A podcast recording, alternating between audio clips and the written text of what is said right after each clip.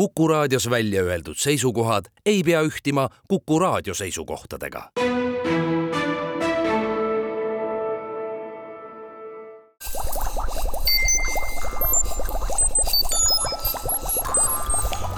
kukkuv õun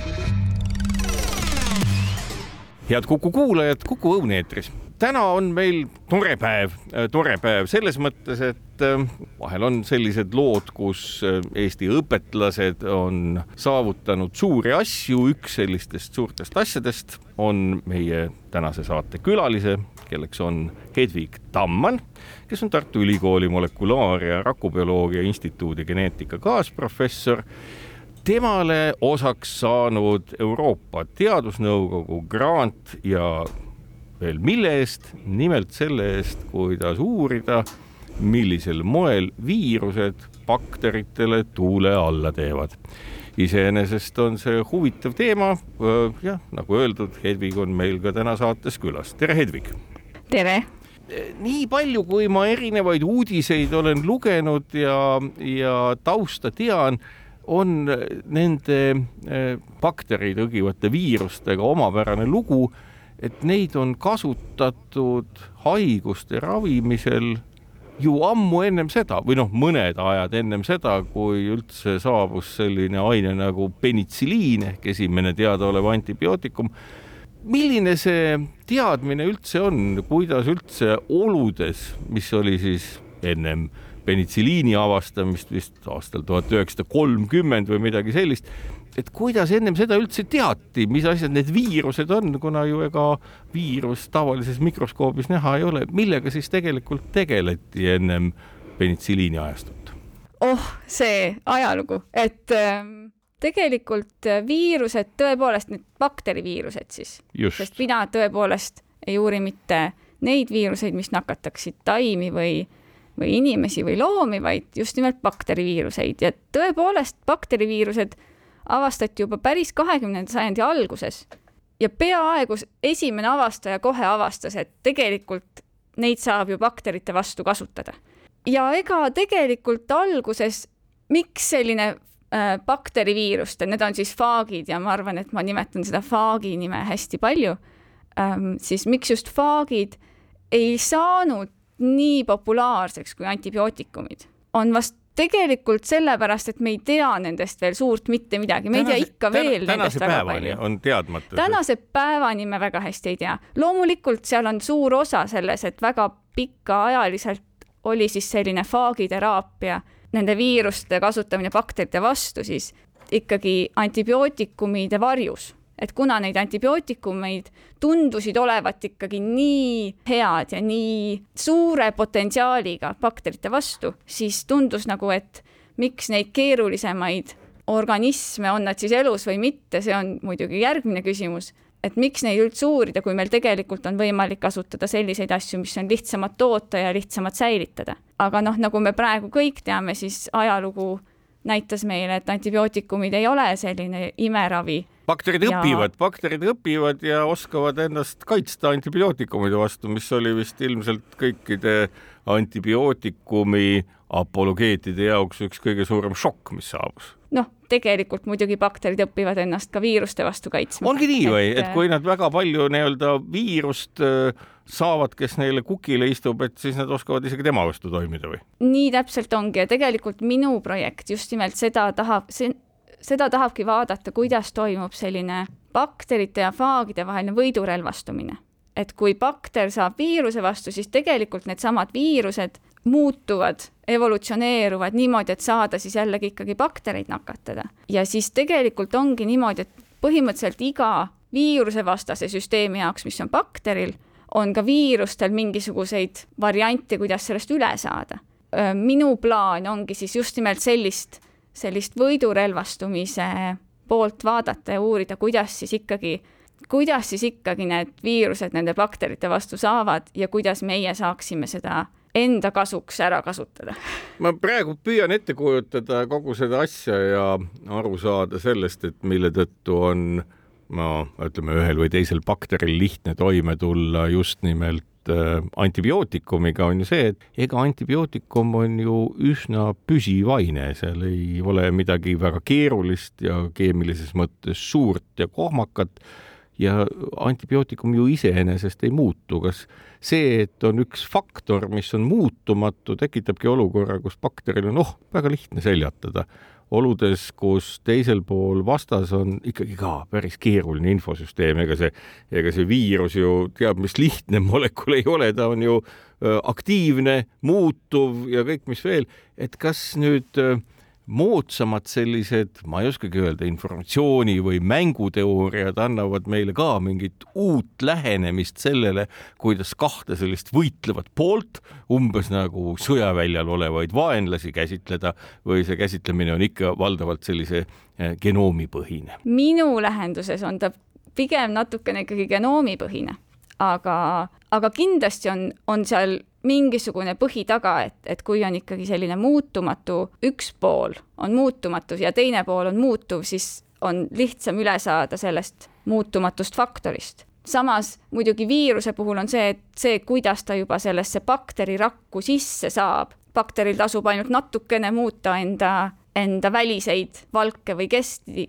ja juba ongi viirusel raskem ehk siis tegelikult on, on tõepoolest ka bakteri ja viiruse vahel selline ülesaamine ikkagi üsna, üsna lihtne. Ja, ja seepärast siis jällegi, kui ma nüüd tulen enda töö juurde, siis mina nagu päriselt, vähemalt esimeses lähenduses päris sellist faagiteraapiat äh, ei, ei püüagi aretada, vaid ma tahaksin just vaadata just nimelt seda, kuidas siis äh, need vii-, viiruse sisesed valgud saavad siis bakteri sees hakkama et, et mida nad siis tegelikult bakterile teevad, mitte siis viirus ise, vaid selliseid molekulaarseid süsteeme seal kahe mikroobi vahel. kui nüüd küsida seda, et äh, see ajalugu ulatub sinna, ma arvan, kahekümnenda sajandi algusest alates tuhat üheksasada viisteist tuhat üheksasada viisteist avastati.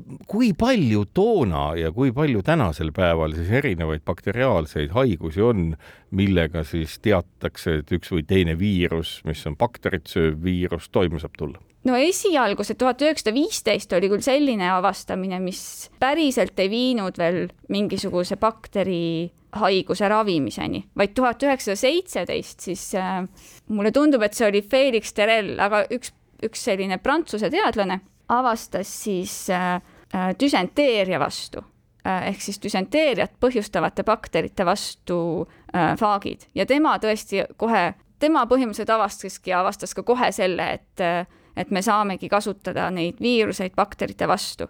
nüüd tänapäeval uuringuid on igasuguste erinevate bakterite vastu võitlemiseks, aga aga kui me nüüd siin sellist lääne süsteemi vaatame, siis tegelikult on need ikkagi alati, ikkagi alati sellised ähm, ettevaatlikud lähenemised ja viimases, viimases lähenduses kasutatakse faage bakterite vastu.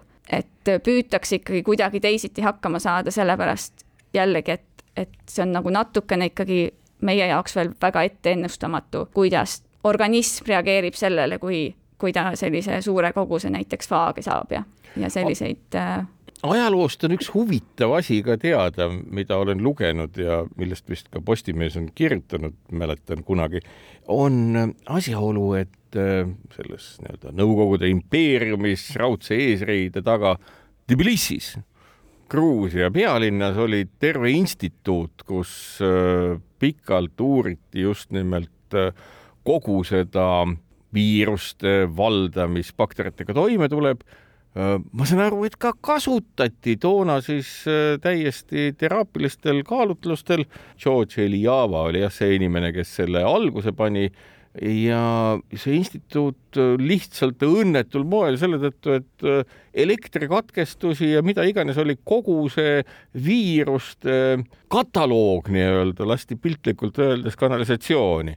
Et kas sellest on ka meil täna teada, et mis väärtuslik järeldus seal tehti ja mida siis Nõukogude Liidus viirustega ravida suudeti? seda, mida Nõukogude Liidus raviti, seda ma nagu päris täpselt ei oska öelda, aga mina tean ka, et, et tõepoolest ikkagi Punaarmees äh, ravi, ra, püüdi ravida äh, erinevaid äh, bakteriaalseid haigusi ja tegelikult Gruusias on siiamaani selline faagide uuringud ja faagiteraapia palju isegi rohkem kasutusel ja, ja uurimise all, kui, kui võib-olla meie, meie juures siin. ma mõtlen seda, et kas selle granti raames on sul plaan ka näiteks külastada Gruusiat ja vaadata, mida sealsed kolleegid, nii palju kui neil kanalisatsioonist asju üle jäänud on, eks ole, ja nad on uusi välja arendanud, äh, tegevad. miks mitte, tegelikult küll nüüd just sel suvel oli Gruusias üks faagide konverents, kuhu mina kahjuks ei jõudnud, aga, aga miks mitte tõepoolest plaan on loomulikult äh, külastada siis nii, võib-olla ka Gruusiat, aga kindlasti, kus on suur faagide uuringute rühmad, on Belgia. Ja Belgia on tegelikult meie jaoks siin natukene justkui lähemal ja, ja kättesaadavam koht ja ka sellised reeglid, mis siis, mis siis sellist, sellisele uuringule või faagide kasutamisele äh, oleks, on, on sarnasemad. et ma tegelikult pigem vaatan sinnapoole, ka Belgias on olemas üks äh, haigla, mis siis äh, võtab vastu patsientide avaldusi faagiteraapiaks ehk siis jällegi ei tohi nagu kasutada niisama faage igal patsiendil ja igal juhul, aga et, et põhimõtteliselt on neil selline sõjaväehaigla olemas äh,, kellel on suur faagikollektsioon ja mida nad siis ka kasutavad. see on selline peenkunst, et no kui sa püüad kirjeldada, et nagu noh, me kõik kujutame ette antibiootikumi, oled seal kusagil haiglas, hädaldad oma äh, bakteriaalse nakkuse käes, pannakse sulle kas siis tilgutiga või süstitakse või sööd mõnda tabletti sisse. kuidas toimub äh, faagide manustamine, kui on tuvastatud, ahah, selline bakter, mm, vot meil on selline kollektsioon siin olemas äh, viirus number see ja see vaja inimesse manustada, mis siis toimub, mida tehakse? vot seda mina tegelikult ei teagi. ongi nii äh,? ongi nii, aga, aga ega, sest ega mina ei ole ju mina ei ole ju meditsiiniinimene, mina olen selline teadlane, kes uurib selliseid kehast baasmehhanisme. ja kehast väljapool. mina uurin kehast väljapool asju, aga, aga mis kindlasti on, on ka selle faagiteraapia puhul probleemiks Äh, on see, et faagid on väga spetsiifilised ja kui antibiootikumide üks suuremaid probleeme on see, et nad tapavad tegelikult ka neid baktereid, kes on siis meile kasulikud ja, ja see on nagu antibiootikumide probleem, siis vastupidi, faagide puhul on see probleem, et nad mõjuvad väga spetsiifilistele bakteritele, ehk siis mitte isegi liigi täpsusega, vaid päris sellise liini täpsusega et kui on ühel, ühte liiki bakteritel erinevaid tüvesid, siis just nimelt ühele tüvele võib faag mõjuda ja teisele mitte. ja siis sellises täpsuses bakterite määramine on väga keeruline. Ja ma arvan, et see on see esimene lahendus, mida siis peaks äh, meditsiiniliselt tegema, ongi ikkagi leidma selle õige, õige viiruse, mis siis just nimelt äh, nende bakterite vastu mõjuks, kes siis parajasti probleemi tekitavad. siinkohal teeme saatesse aga väikese pausi ja kuulake meid pärast vaheaega edasi. kukkuv õun head Kuku kuulajad, Kuku Õun eetris külas Hedvig Tamman, kes on saanud Euroopa Teadusagentuuri granti just nimelt viiruste uurimiseks aga selliste, kes oskavad toime tulla ja ära tappa meid kahjustavaid baktereid.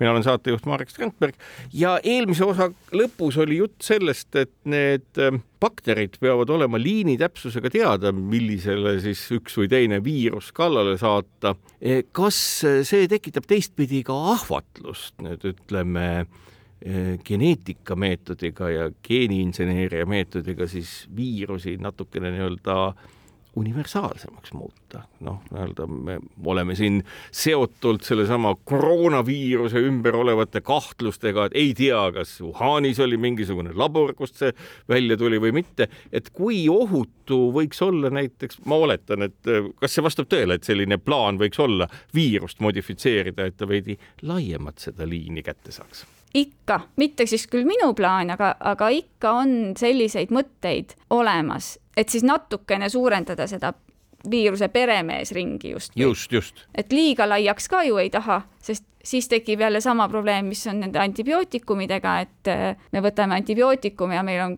kõht lahti ja, ja et... ma saan äh, aru, et antibiootikumide puhul võtab selle inimese sees oleva mikrobiomi taastumine aega, on väidetud pool aastat või isegi rohkem, et nagu iseenesest noh, pärast antibiootikumi kuuri no võib öelda, et nagu ei olegi enam endine inimene, et kõik on muutunud. noh, inimene on ikka endine, see mikrobioom on teistsugune. vot seda ei tea, selles Mis mõttes on... aina rohkem tuleb teateid selle kohta, et ka meie ajutegevus on ühel või teisel põhjusel ikkagi väga tugevalt mõjutatud sellest, kes meie soolestikus elavad. Nii et, nii, on, nii et ka ütleme küll nii-öelda sõnakõlksuna öeldud, aga võib isegi tõele vastata.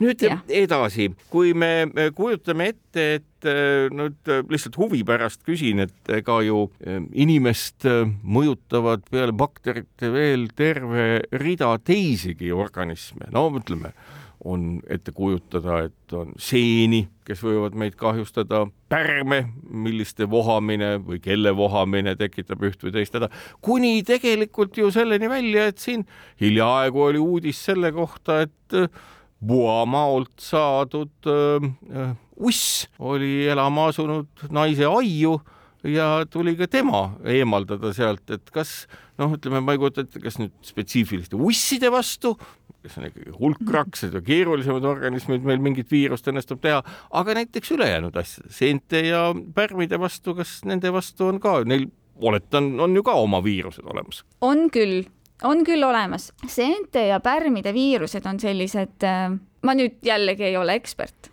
ei no ega olen, ütleme. olen ikkagi, olen ikkagi bakteriteadlane, kes, kes ka bakteriviiruseid nüüd alles äh, on alustanud.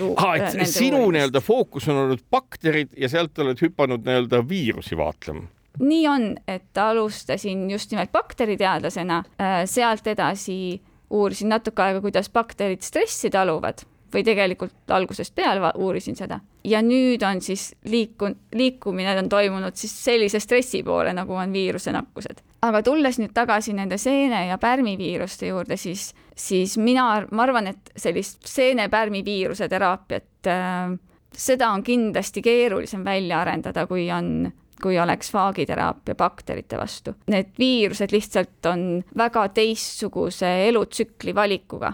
ehk siis äh, mis on, mis on ka tegelikult bakteriviiruste puhul võib-olla see läheb nüüd natuke liiga spetsiifiliseks. ei aga..., meil on kõik lubatud, eks ma, kui mulle tundub, et ma ei saa millestki aru ja loodan, et, et äkki siis samamoodi ei saa kuulaja aru, küll ma siis küsin. ja, et äh, bakteriviirustel on siis tegelikult kaks erinevat võimalust, kuidas seda bakterit nakatada. üks on tõepoolest selline, et ta sisestab oma genoomi bakterisse, paneb bakteri ennast juurde tootma ja siis kui valmis on, siis lõhub bakteri ära ehk siis lüüsib bakteri ära. aga teine variant, mis on ka osadel viirustel olemas, on see, et genoom siseneb bakterisse, aga siis mingisugusel põhjusel ta siseneb hoopis bakteri kromosoomi ja ei tapa bakterit ära. näiteks selles samas faagiteraapias kindlasti tuleb kasutada selliseid viiruseid, mis ongi siis ainult lüütilise tsükliga ehk siis selle tsükliga, kus ta tapab kindlasti bakteri ära, mitte et ta ei, ei sisene siis äh, bakteri kromosoomi, sest äh, need, kes sisenevad, need võivad bakterit hoopis tugevamaks muuta. ongi nii, ma just mõtlen praegu seda, et ega ju äh, siin mitu aastat pandeemiat ja viiruse üle arutamist ju viis ka selle teadmiseni, et ega viiruse enda no kui me ütleme, et tal on mingi tahe või sellel on mingi tahe, siis viiruse tahteks on paljuneda. nüüd kuidas oludes, kui viirus ühtepidi lüüsib või lagundab ära selle bakteri, kelle abil ta paljuneb, siis kuidas ja kuhu ta siis edasi läheb, selles mõttes, et noh, teda, on palju, aga ma kujutan ette, et kui küsida mis on viiruse olemasolu mõte, siis ta ju peab kuhugi jõudma, mitte ainult palju saama, vaid ka kuhugi kinnituma. mis sest viirusest edasi saab, kui ta on bakterite abil paljunenud organismis, kõik bakterid on hävitatud ja nüüd on siis, mis need viirused teevad või kuhu nad kinnituvad, kas neil on võimalik ka leida mingisugune peremees organismis sellisel moel, et kui see bakter uuesti siseneb, et siis naksti võetakse tal jälle natist kinni? noh, seda ma kas ta nüüd näiteks meie organismis suudaks kuskile kinnituda, et kui üks bakter tuleb, siis ta nüüd hüppab, see on nagu natukene liiga selline. fantaasia rohkem. Jah, ja personaliseeritud lähenemine nagu inimese poolt, et me küll räägime, et et viirusel võiks olla mingisugune eesmärk, siis tegelikult see viiruse eesmärk paljuneda on ikkagi selline evolutsiooniliselt tulenev, ta on lihtsalt tulemus selleks, et, et muidu ta ei püsiks. Ja nagu viirusele ma sellist konkreetset eesmärki ei julge küll. ehk et ta paljuneb anda. sel juhul, kui ta saab kokku bakteriga, kelle jaoks ta mõeldud on. jah, ja, ja, ja sellega tema, sellega tema olemasolu mõte nii-öelda piltlikult öeldes lõpeb. jah, ja eks siis viiruste, nende bakterid, bakterid elavad ikkagi väga sageli ka üheskoos, ehk siis nad on küll ainuraksed organismid, aga ikka on teada ju sedagi, et bakterid moodustavad biofilmi, mis on selline tugev kiht, kas siis meditsiiniline probleem isegi sellepärast, sellepärast et seal on bakterid keerulisem hävitada või siis, või siis näiteks elavad taimejuurtel mingisugused bakterid ja need bakterid on siis ikkagi mitmekesi üheskoos. no sama ja... asja teavad ju kõik hambatohtrid, eks ole, biokile suus, tohutu häda nii. ja kuidas võidelda. sellisel juhul, kui siis see üks faag nakatab ühte bakterit, vabaneb sealt, siis tal on ju neid baktereid küllalt võtta, keda jälle nakatada. ja tegelikult on viirustel ikkagi, nad on ikkagi üsna stabiilsed, ehk siis kui nad siis ka kuskile niimoodi natukeseks ajaks jäävad, tõenäosus, et seal, kus kunagi oli üks sedasorti bakter, et tuleb samasugune, siis tegelikult võib-olla see ongi natukene kõrgem. ma nüüd päris kindlalt ei tea, aga jah, ma arvan, et on. siinkohal teeme saatesse väikse pausi ja kuulake meid pärast vaheaega edasi.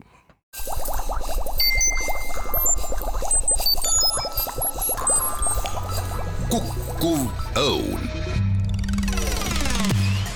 head Kuku kuulajad, Kuku Õun jälle eetris, külas Hedvig Tammann, Tartu Ülikooli molekulaar- ja rakubioloogia instituudi geneetika kaasprofessor, kes on saanud baktereid tapvate viiruste uurimiseks märkimisväärse Euroopa Teadusagentuuri granti. mina saatejuht Marek Strandberg ja eelmise osa lõpus kas me võime, jäi see õhku, et me võimegi ette kujutada, et nagu viirus ongi siis selline nii-öelda bakterite jaoks mõnes mõttes nagu miiniväli, et kui ta on kord paljunenud, siis ta mõnda aega püsib seal vaikselt edasi ja kui uus bakter tuleb, siis lõhkab jälle selle ja nii edasi, nii et see on nagu selline elulaadsete molekulide foon, mis meis kõigis on olemas.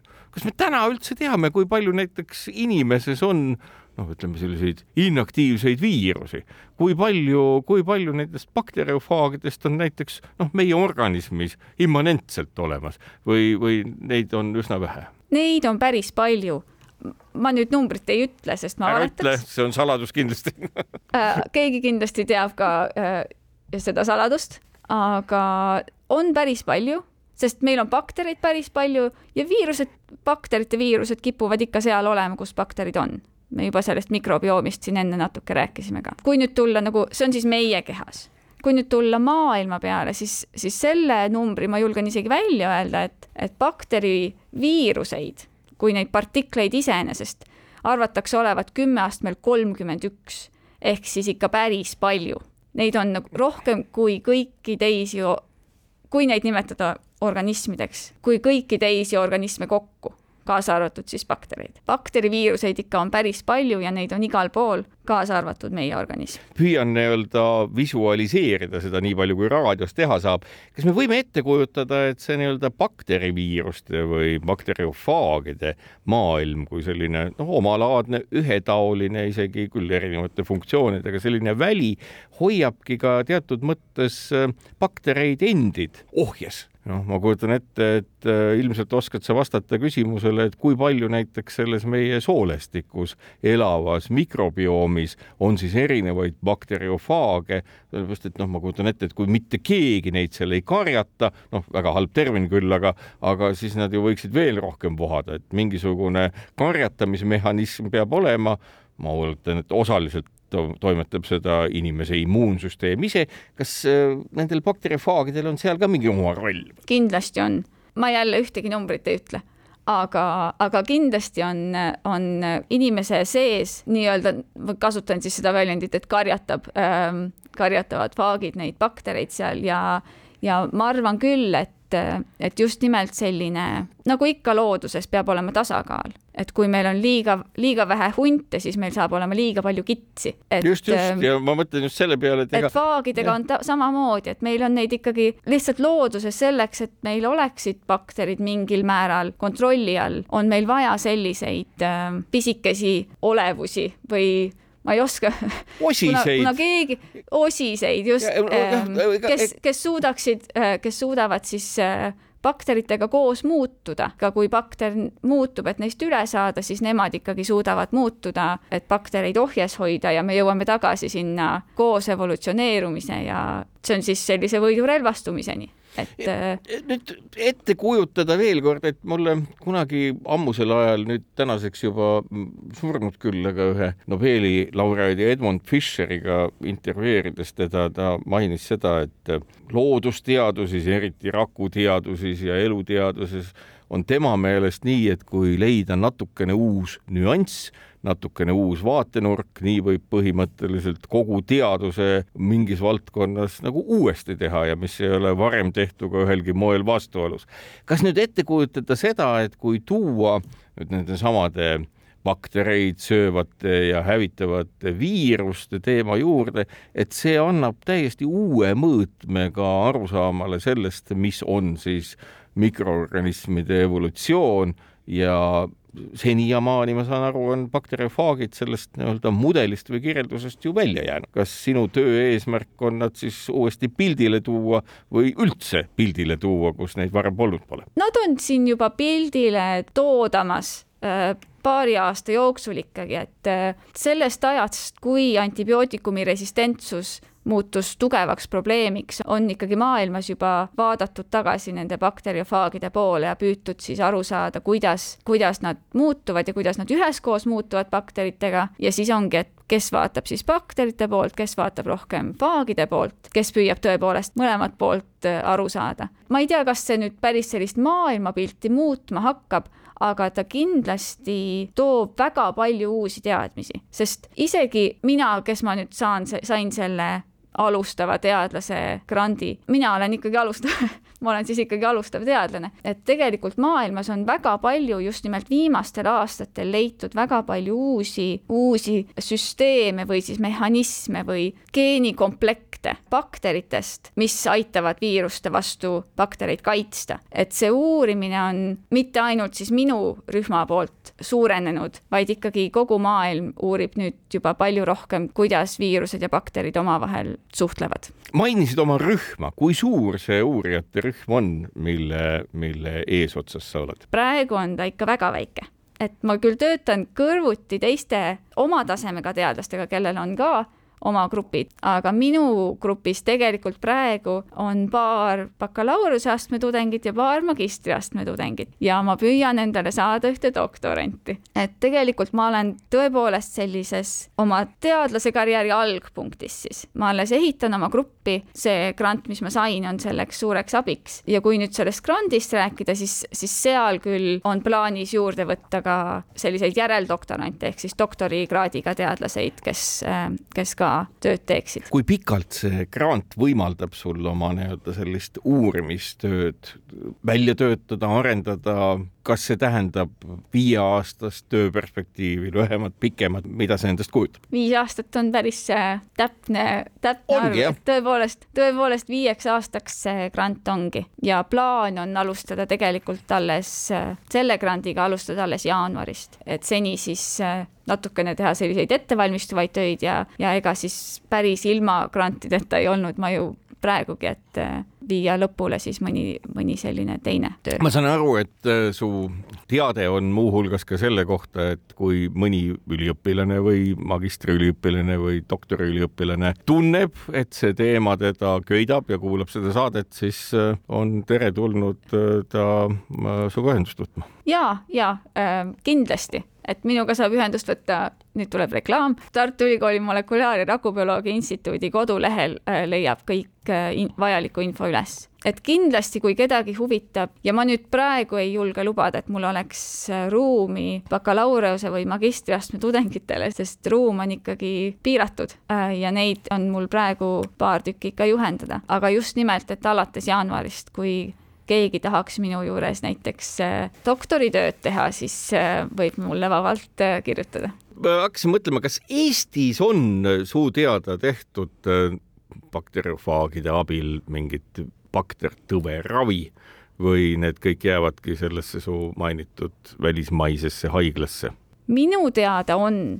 ma, ma nüüd tegelikult rääkisin ühe oma kolleegiga, enne kui ma siia intervjuu no, intervjuud andma tulin ja tema ütles, et, et tegelikult tema on kuulnud küll, et, et on ravitud, aga mina jään nüüd vastuse võlgu, et keda, mis haigusest ja täpselt millal, aga siis ka umbes no ütleme, ma ei tea, see on siis selline paari aasta perspektiiv, et paari, paar aastat tagasi või aasta tagasi või umbes, umbes sellises äh, ajavahemikus, kus siis keegi sai tõepoolest faagiravi. ehk et see äh... valdkond on ikkagi selline nii-öelda mitte nüüd põranda all, aga ettevaatlikult ja hea tähelepanu all ikkagi kasutuses ja selles mõttes iga kui teadmine, mis sinna lisandub, võib muuta seda noh, inimeste tervise ja heaolu jaoks ju üsna oluliseks teguriks. kas sinu uurimuste eesmärk on ka siis nii-öelda teha see samm rakenduse suunas või see on puhtalt teoreetiline esialgu? no esialgu on ta teoreetiline, aga mul on ikkagi viis aastat aega. et, et äh, meeleolu võib muutuda ja ahvatlused tekkida? no plaan on tegelikult minu puhul mitte siis kasutada viiruseid kui selliseid, vaid nagu ma enne mainisin, neid äh, valke viirustest, kes siis tegelikult bakteri sees bakteri vastu saavad. see nüüd võib-olla läheb natukene jällegi äh, spetsiifilisemaks. ei lähe, meil ongi spetsiifiline esi... saade, siin võib minna kuna väga spetsiifiliseks. kuna minu esimene huvi on ikkagi bakteri stressivastus, siis tegelikult mina vaatan seda, kuidas need bakteriviirused stressis bakterite vastu saavad või siis selle stressivastusega läbi käivad. ja mõte oleks siis mitte kasutada otseselt neid faage ennast, vaid siis just nimelt äh, saada mingisugust ideed nendest valkudest, seda saab nii neid vist nimetatakse peptidomimeetilisteks asja, ravimiteks ehk siis sellised, kui need valgud on meil teada, siis me saame ennustada, missugused äh, valguosad ained, siis nagu toimivad. kui just, mis valguosad toimivad ja selle järgi, kui me teame, kuidas nad täpselt toimivad, me saame ennustada mingisuguseid keemilisi ühendeid näiteks. ehk ikkagi mis... jõuda sinnamaani, et oleks mingi süstitav või neelatav aines, mis meenutab midagi, mis tuleb viirusest muidu jah, tegelikult küll, aga, aga, aga jällegi, et ma ei arva, et see peaks olema midagi, mis, mis oleks otseselt antibiootikum ehk siis minu äh, mis on väga paremas... mis oleks nagu väga spetsiifiline antibiootikum ainult selle ühe liini vastu, kes meile halba teeb, just nii või? noh, äh, võib-olla mitte nii spetsiifiline, et sest äh, see spetsiifilisus on väga sageli viirustel tagatud selle sisenemisega bakterisse, mitte siis nende protsessidega, mis seal Aga seal sees pannakse lõhkema juba enam-vähem samad ained? Nii ja naa, on, on seda, on teist. ja minu mõte, kuna ma siis uurin sellist bakteri stressivastust, siis tegelikult kui me nüüd tuleme antibiootikumide juurde, siis antibiootikumid viivad bakteri stressi. Ja tänu sellele, et bakter läheb stressi, saab ta antibiootikumidest üle, ehk siis antibio-, antibiootikumid võivad käivitada bakterites sellise reaktsiooni, mis viib bakterid sellisesse soike seisundisse justkui, et nad, või talveunne, ehk siis nad nagu ei ela, ei sure eriti, et nad, nad lihtsalt on. ja see, aga samal ajal, kui nad on, siis mingisugused protsessid ikkagi toimuvad ja võivad, ja bakteritel võivad tekkida mingisugused mutatsioonid mis lubavad sellest antibiootikumist üle saada ja tekibki resistentsus. kui nüüd kuidagi suudaks saada selle vastu, et bakterid sinna soike seisundisse läheks, siis ei saaks ka tekkida tegelikult uut resistentsust, sellepärast et antibiootikum suudaks mõjuda. selline on siis minu suur plaan siinkohal teeme saatesse väikse pausi ja kuulake meid jälle pärast vaheaega edasi. kukkuv õun head kuulajad, Kuku Õun jätkub, külas Hedvig Tammann, molekulaar- ja rakubioloogia instituudi geneetika kaasprofessor Tartu Ülikoolist ja Euroopa Teadusnõukogu granti saaja just nimelt selleks, et uurida viiruste mõju bakteritele. mina saatejuht Marek Sandberg ja see bakteri stressi näide oli väga hea, et bakterit ei tohi talveunne jätta, et siis talveunes kosub ja muutub ta päris looduses on vist teistmoodi, et kui ikkagi loomad on talveunes, siis nad on lihtsalt talveunes, aga bakterite elu peabki olema teistsugune. ma mõtlen seda, et kui bakter läheb viiruse tõttu stressi, et kas siis viirus tunneb nii-öelda piltlikult öeldes mingit heameelt või sellist nii-öelda rahulolutunnet või on mõlemad enam-vähem samasuguses stressis, kui nad sel moel kokku puutuvad? kui seda molekulaarse, kui seda molekulaarset stressi on võimalik kuidagi üldistada, et kas, kas asjaolu, et viirus ründab bakterit, teeb talle jutumärkides head meelt? ei, tegelikult ikka mitte. seesama äh,, miks ma loodan just nimelt äh, viirustest selle stressivastuse vastaseid, stressivastuse vastaseid äh, kõlab halvasti, aga arusaadavalt. selliseid valke leida, mis selle stressi vastu, vastu saaks, ongi just nimelt see, et bakter tegelikult kaitseb ennast viiruse vastu selle süsteemiga ka ja tulles selle võidurelvastumise juurde, kõik, millega bakter viiruse vastu hakkab, sellele püüab viirus ka vastu hakata. ehk siis ega bakter ei ole õnnelik, kui viirus teda ründab, vaid ta käivitab oma stressivastust mis tegelikult takistab viiruse paljunemist, välja arvatud juhul, kui viirusel on mingisugune oma mehhanism, millega ta sellest stressivastusest üle saab, et millega viirus siis manipuleerib bakteri stressivastust ehk et me ja... ikkagi saame rääkida sellest, et selline nii-öelda konfliktne suhe, nii nagu bakteril ja viirusel ilmselt bakterifaagi puhul on, erineb oluliselt sellest, mida me nimetame looduses näiteks sümbioosiks, kus nii-öelda erinevad organismid äh, leiavad teineteisega ühisosa ja siis ilmselt selliseid stressivastuseid nii palju pole jällegi nii ja naa, sest loodus on mitmekesine.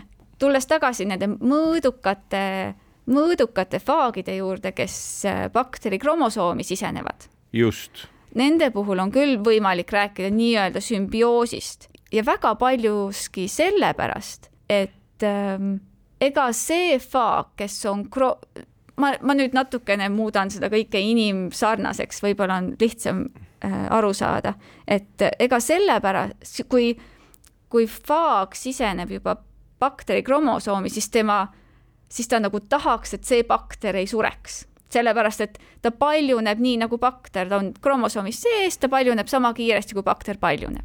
ja kui siis näiteks mõni teine viirus ründaks sedasama bakterit, siis see bakter ju sureks. ja seda see kromosoomis olev viirus justkui ei taha. ja, ja seetõttu on väga palju sellistes mõõdukates viirustes sees vastavaid kaitsesüsteeme, mis siis tegelikult kaitsevad bakterid teiste viiruse rünnak te,, viiruste rünnakute vastu. Ja seetõttu siis justkui ongi sümbiootiline suhe, et viirus paljuneb koos bakteriga, aga samas bakterile on see kasulik, sellepärast et äh, teised viirused teda ei suuda tappa see viitab ikkagi see noh, sama asi, mida sa korduvalt oled rõhutanud, et elu on üllatavalt mitmekesine ja tundub nii, et selle mitmekesisuse no, omapärane pool ongi see, et et äh, kõik on väga paljude asjadega väga erineval moel suhteis, kuid ometi lõppkokkuvõttes noh, mingisugune meie näiteks inimesena ju püsime koos, vaatamata sellele, et vist, et meie mikrobiomi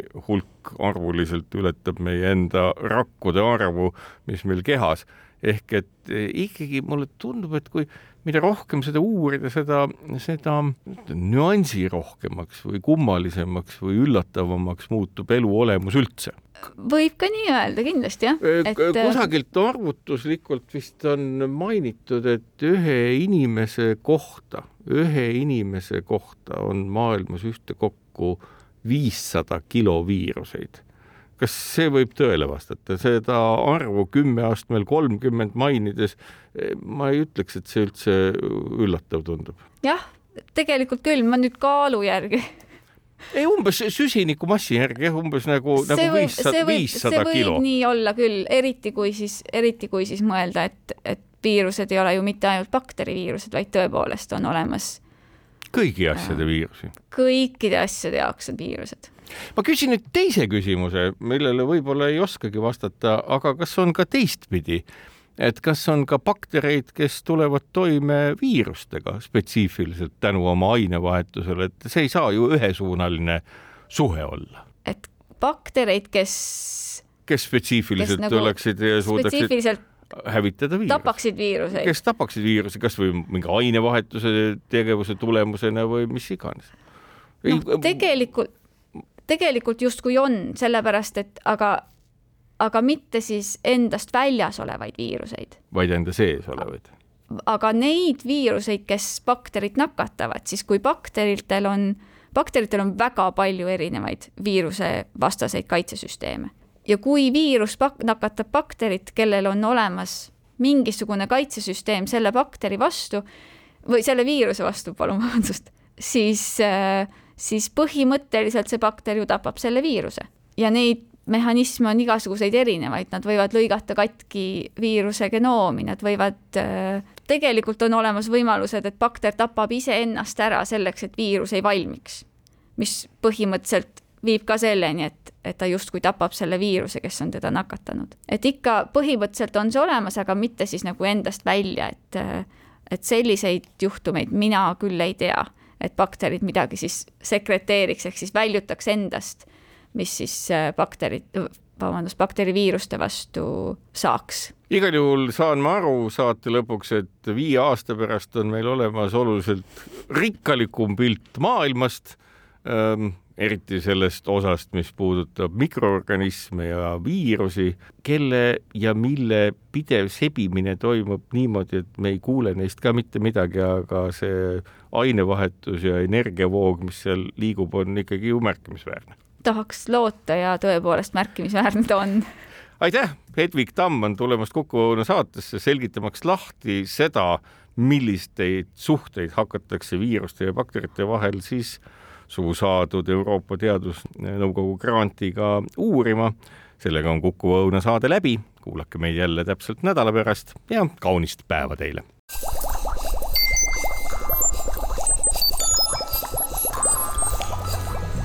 Kukkuv õun